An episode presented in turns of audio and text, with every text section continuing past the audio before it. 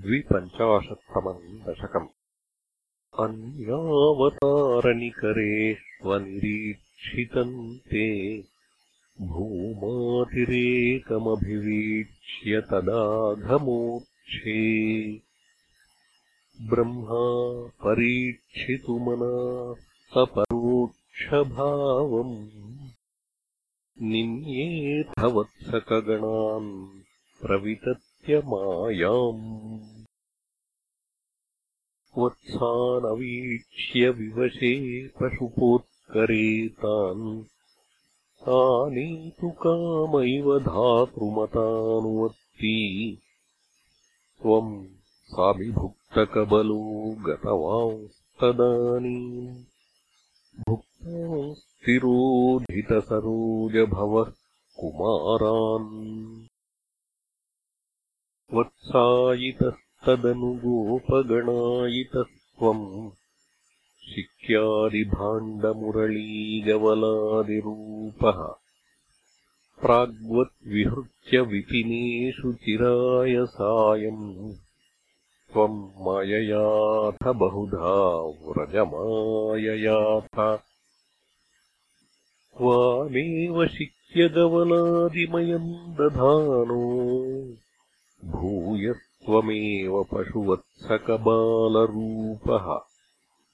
गोरूपिणीभिरपि गोपवधूमयीभिः। आसादितोऽसि जननीभिरतिप्रहर्षात्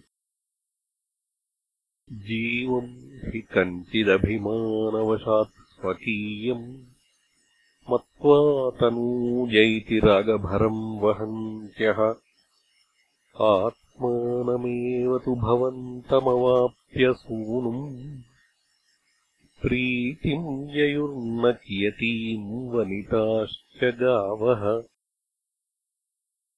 एवम् प्रतिक्षणविजृम्भितहर्षभारनिश्चेषगोपगणलालितभूरिमूर्तिम् त्वामग्रजोऽपि बुबुधे किल वत्सरान्ते ब्रह्मात्मनोरपि महान् युवयोर्विशेषः।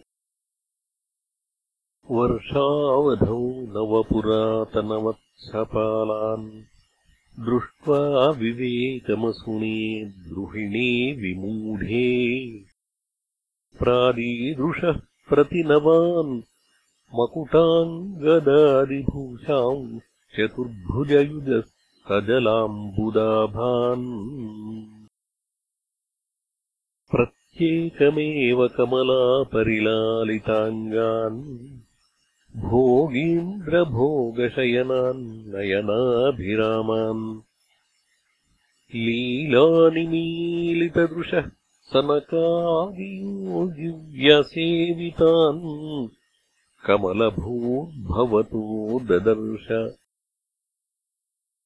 नारायणाकृतिमसङ्ख्यतमान् निरीक्ष्य सर्वत्र सेवकमपि स्वमवेक्ष्य धाता।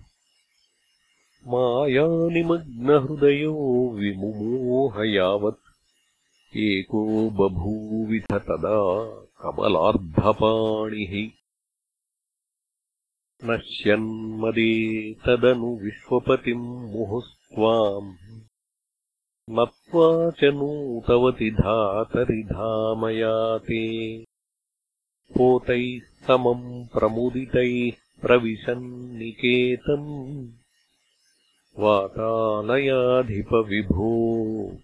परिपाहि रोगात्